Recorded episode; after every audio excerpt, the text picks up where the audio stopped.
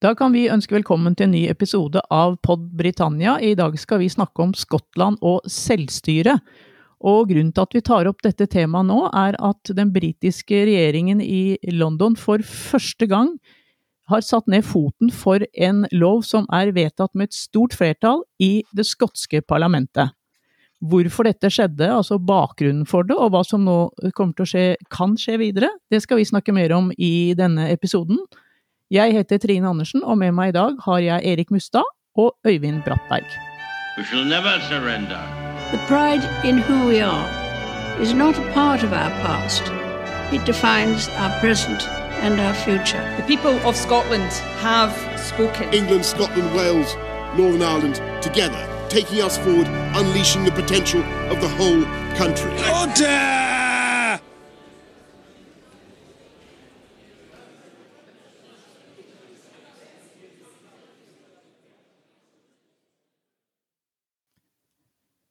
Ja, for første gang har altså en, eh, den britiske regjeringen satt foten ned for en lov vedtatt i det skotske parlamentet. Og det gjelder altså en lov om å, at det skal bli enklere å skifte juridisk kjønn. Vi skal ikke her snakke om denne loven, vi skal snakke om det konstitusjonelle, altså forholdet mellom regjeringen i London og regjeringen i Skottland. Hvem som kan bestemme hva. Det skal vi komme litt tilbake til, men Øyvind, kan vi begynne rett og slett eh, med å, å spørre altså det, er den, den, det skotske parlamentet ble altså eh, vedtatt satt ned Det startet vel sin virksomhet i 1999, altså det er ganske mange år siden. Og først nå har den britiske regjeringen satt ned foten for en lov som er vedtatt der. Hvorfor skjer det nå? Det har jo tatt veldig lang tid. Det har jo å gjøre med innholdet i, i, denne loven som vi ikke kan gå Vi kan ikke gå helt fri fra å, å diskutere det, for det, det, er jo begrunnelsen for hvorfor man har, har, tatt i bruk denne beskrankningen, holdt jeg på å si, den, denne begrensningen på skotsk selvstyre.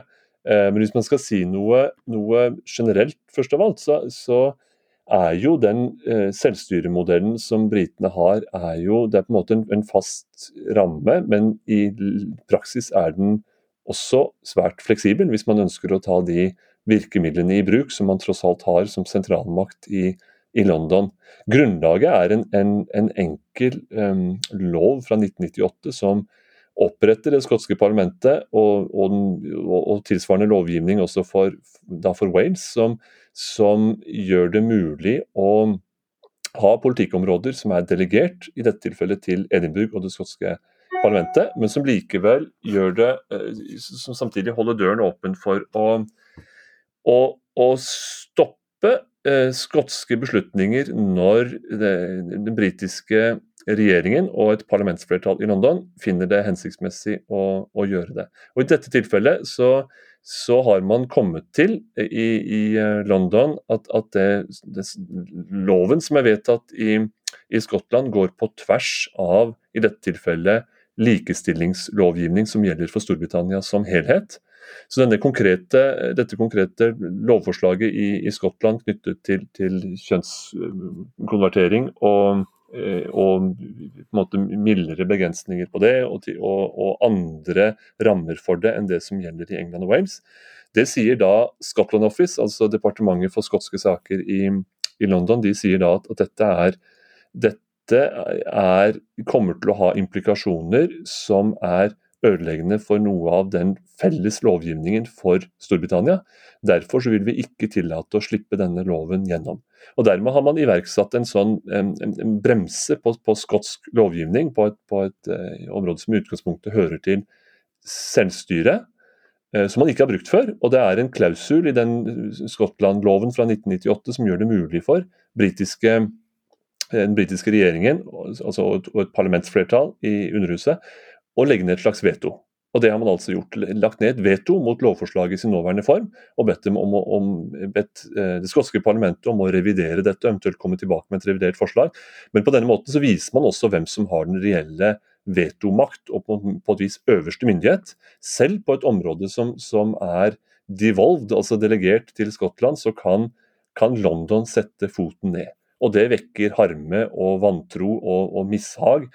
Og det har litt å gjøre med, med, innholdet i lovforslaget og diskusjonen om det, men så har det med det overordnede her er jo spørsmålet om Skottland skal styre i eget hus, eller om det er til syvende og sist sånn at, at eh, London, når, når, man måtte ønske det, kan, kan, kan, kan, stagge skottenes selvstyre. Ikke bare deres ønske om selvstendighet, men også deres mulighet for å utfolde selvstyret under de rammer man har opprinnelig blitt gitt. Så dette her er jo det er eksplosivt, eh, og det knytter seg til mange ting, men, men det, det, er jo en grunnleggende eh, uenighet også om hva selvstyret faktisk skal, skal, romme, og hvor mye man skal få lov til. Eh, så, så, det er på en måte sakens kjerne. Ja, Du sier at det har vakt harme, og det er det jo ingen tvil om. Førsteminister Nicolas Sturgeon er jo for å si det mildt forbanna, det skal vi komme litt tilbake til. Men jeg lurer på om vi bare skal ta et lite skritt tilbake. Vi har fått en henvendelse her fra en som hører på på podden ganske fast, som spør oss om vi kan, eh, kan utdype litt grann eh, bakgrunnen for dette skotske selvstyret, og hva det er egentlig skottene kan bestemme selv, og hva som bestemmes i London. Så Erik, kan ikke vi bare ta den oppklaringen først, og så går vi litt på reaksjonene etterpå?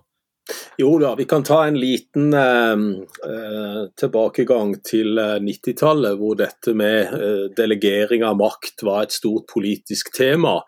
Eh, det konservative partiet har vel alltid ønska å sentralisere makten i London, i Westminster-parlamentet, mens det har vært et ønske fra de andre nasjonene, spesielt Skottland, da, men også deler av, Wales å ha regionale forsamlinger. Eh, og så fikk vi jo da eh, med Tony Blair denne delegeringen av makten etter han vant valget i 97.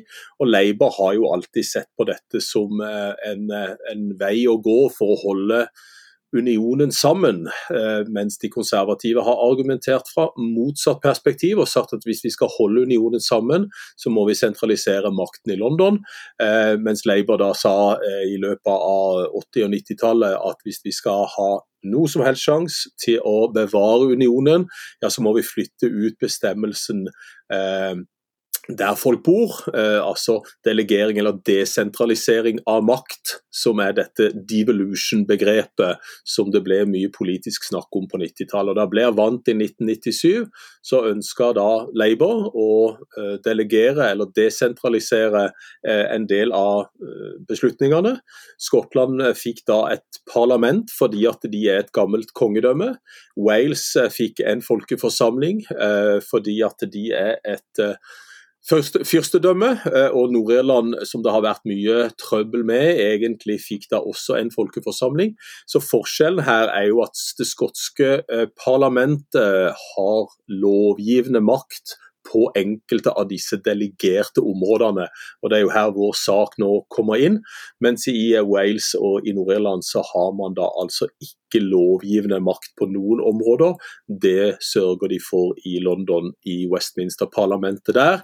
Og så har jo da England ingen eh, parlament eller folkeforsamling. De har ikke noe desentralisert organ, bortsett fra at en del av regionene har ganske sterke kommuner og bystyrer rundt forbi. Så dette er et stort politisk puslespill, hvis man vil kalle det det. Men akkurat dette går jo på Skottland-loven fra 1998 som øye Øyvind er inne på, at det er noen områder som da er forbeholdt London-parlamentet, som er Storbritannias parlament. Og så er det da noen av disse områdene som er delegert til Skottland, Wales og Nord-Irland. Og det er større grad av delegering til det skotske parlamentet fordi at de har lovrett til å kalle seg parlament, mens de andre er folkeforsamlinger. Så her kommer da dette spørsmålet inn igjen da om eh, denne loven, eh, fordi at eh, loven her eh, inneholder noe som egentlig ivaretas av London, og noe som ivaretas av den delegerte myndighet, i dette tilfellet juridisk sett det skotske parlamentet, som stemte denne loven igjennom med et stort flertall, 86 mot 39 stemmer i desember i fjor. Og så sier da Storbritannia med Skottland-minister Alistair Jack at de må stoppe denne loven, og også statsminister Rishi Sunak har sagt at denne må stoppes, og den bryter med den overordna loven om eh, likhet innenfor hele Storbritannia. Og Det er jo den konstitusjonelle, den formelle grunnen til at de har muligheten til å stoppe det. Og så sa du Trine at det har vakt enormt harm i Skottland, og det har det, og det kommer vi tilbake til nå. Eh, men det er altså en juridisk eh, klausul i Skottland-loven fra 1998 som heter seksjon 35, som gjør at den britiske regjeringen med det flertallet Øyvind refererer til, har muligheten til å stoppe lovgivning som har blitt vedtatt i det skotske parlamentet. Ja, du sier de har mulighet til å stoppe rådgivningen, men her, denne saken her kommer jo trolig da til å ende i, i, i retten, i hvert fall sivilretten i første omgang i Edinburgh. Det har jo førsteminister Nicola Sturton sagt. Hun sier at dette er et angrep på demokratiet, på selvstyret, og sier ja. at denne saken skal jeg ta til, til, rettsvesenet. Så det blir jo veldig spennende å se hva retten kommer til, da, for det er jo første gang som sagt at denne paragraf 35 blir brukt av den britiske regjeringa. Det er jo litt åpent, etter hva jeg har hørt litt forskjellige jurister si litt forskjellige ting her.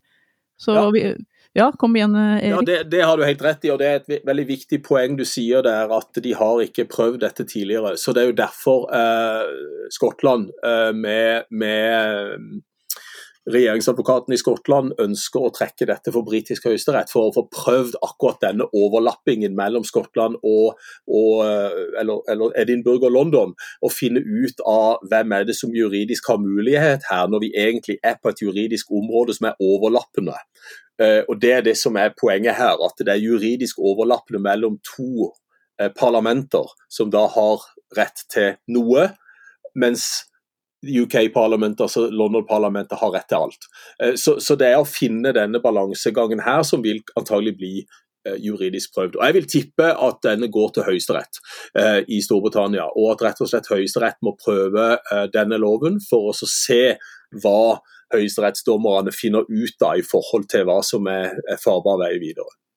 Ja, nå vet vi at Høyesterett i, i, London eh, bare for et par måneder siden hadde en skotsk uh, sak oppe, nemlig dette om skottene selv har rett til å, ut, uh, til å utlyse en folkeavstemning om uavhengighet. Det sa de, det har de ikke. Så dette blir jo da i så fall den andre saken på forholdsvis kort tid. Da. Nå kan det jo ta litt tid før det havner i Høyesterett, det er nå så. Men men eh, Øyvind, tror du dette kan, kan, få noe å si for eh, en boost for skotsk uavhengighet, rett og slett? At uh, skottene kan føle seg enda litt mer overkjørt? Hvis de da finner ut at, at Høyesterett igjen gir den britiske regjeringa medhold? Det retter i alle fall et veldig konkret søkelys mot, mot mulighetene for å overkjøre det skotske parlamentet. Det, det, retter, altså det, setter på en måte i veldig klart relieff det faktum at eh, det britiske parlamentet og myndighetene i London sitter med bukten og begge endene når alt kommer til alt.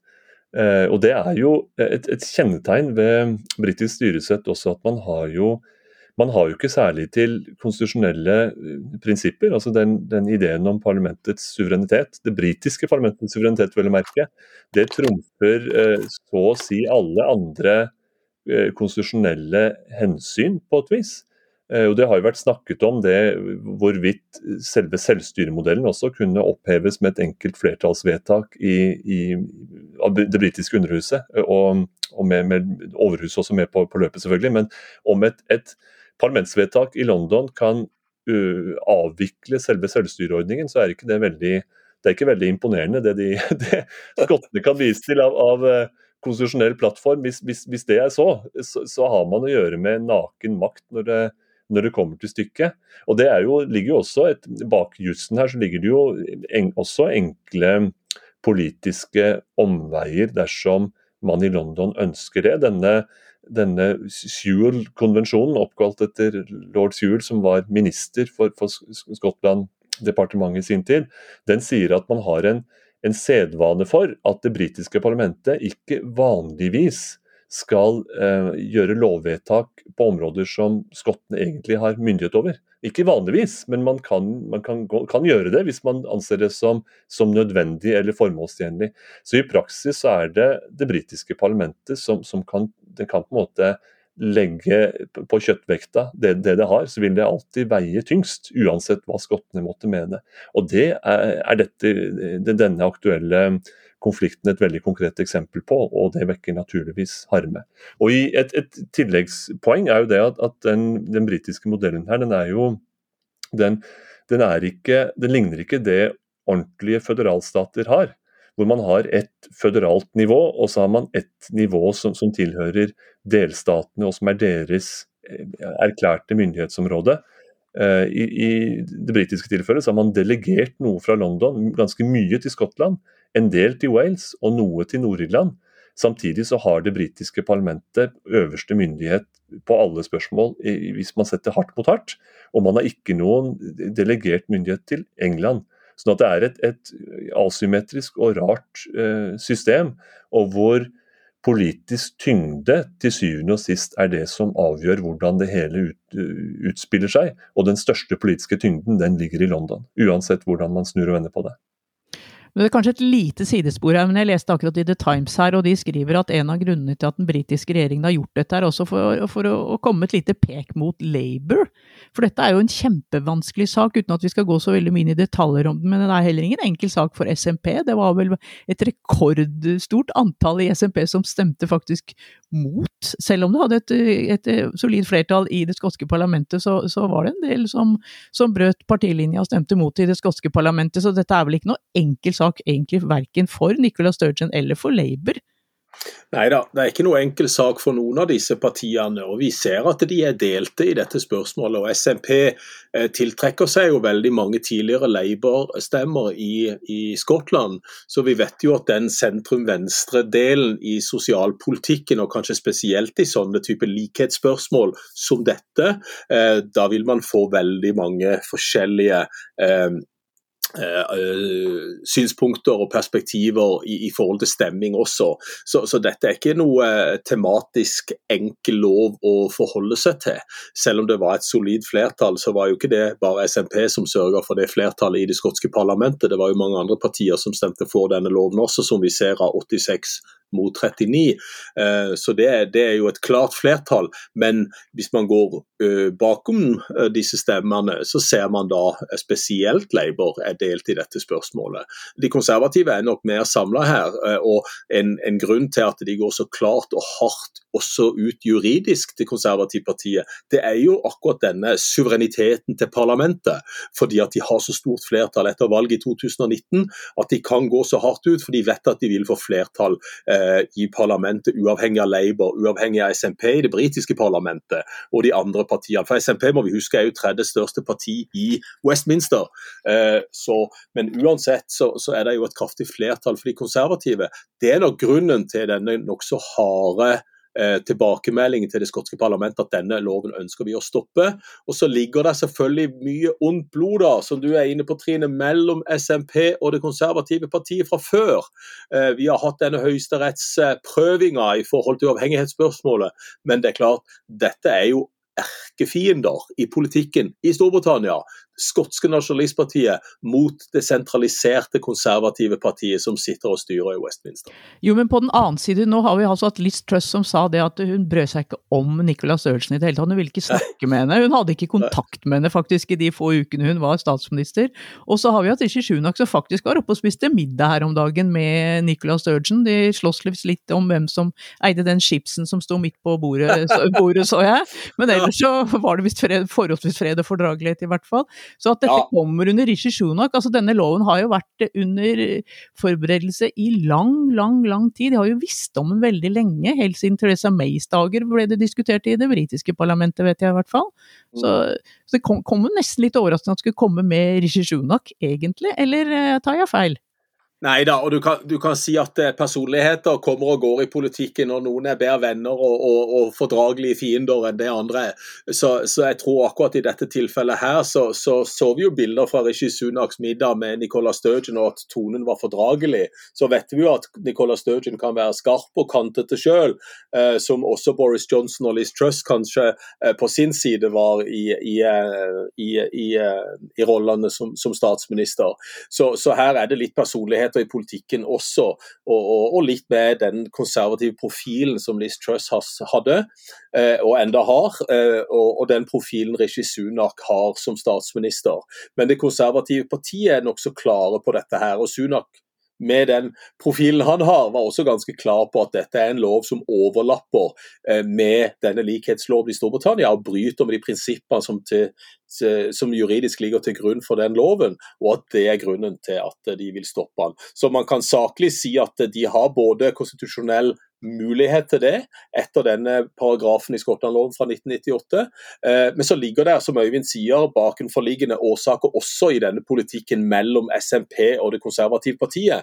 At her er det et anstrengt forhold som selvfølgelig kommer inn i vurderingene hele tida. Og, og, vi skal ikke bare skibbe vekk det og si at det, det, politiske har ingenting å si her, eller det identitetsmessige har ingenting å si her. Her er det kun juridikum som, som gjelder. Det er det selvfølgelig ikke.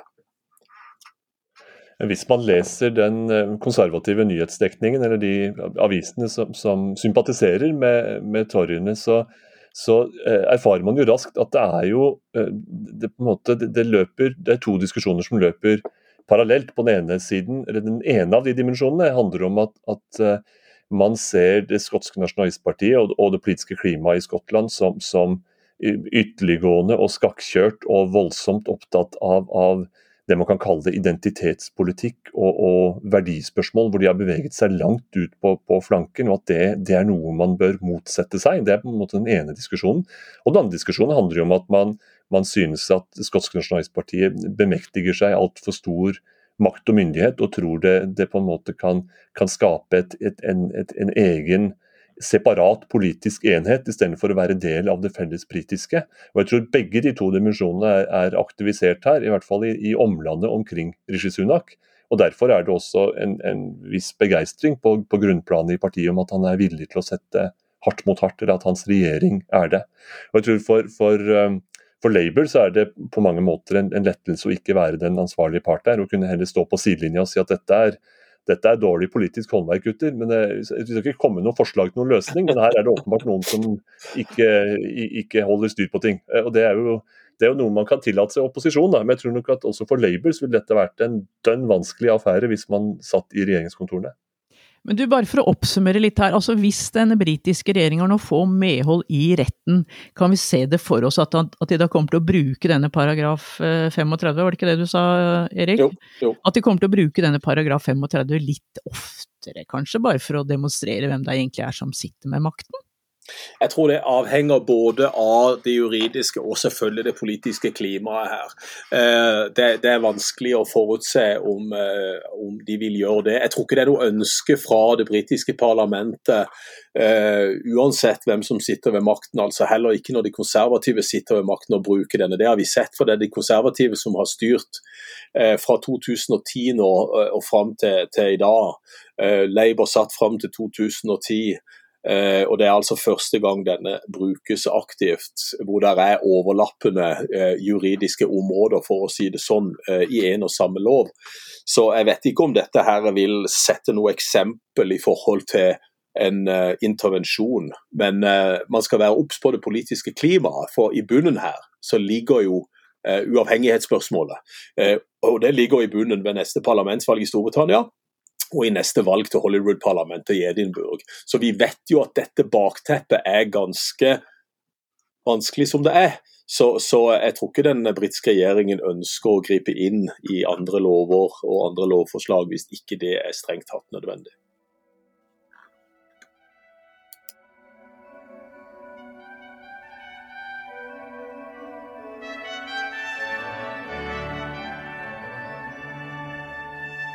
We shall never surrender. The pride in who we are is not a part of our past. It defines our present and our future. The people of Scotland have spoken. England, Scotland, Wales, Northern Ireland, together, taking us forward, unleashing the potential of the whole country. Order!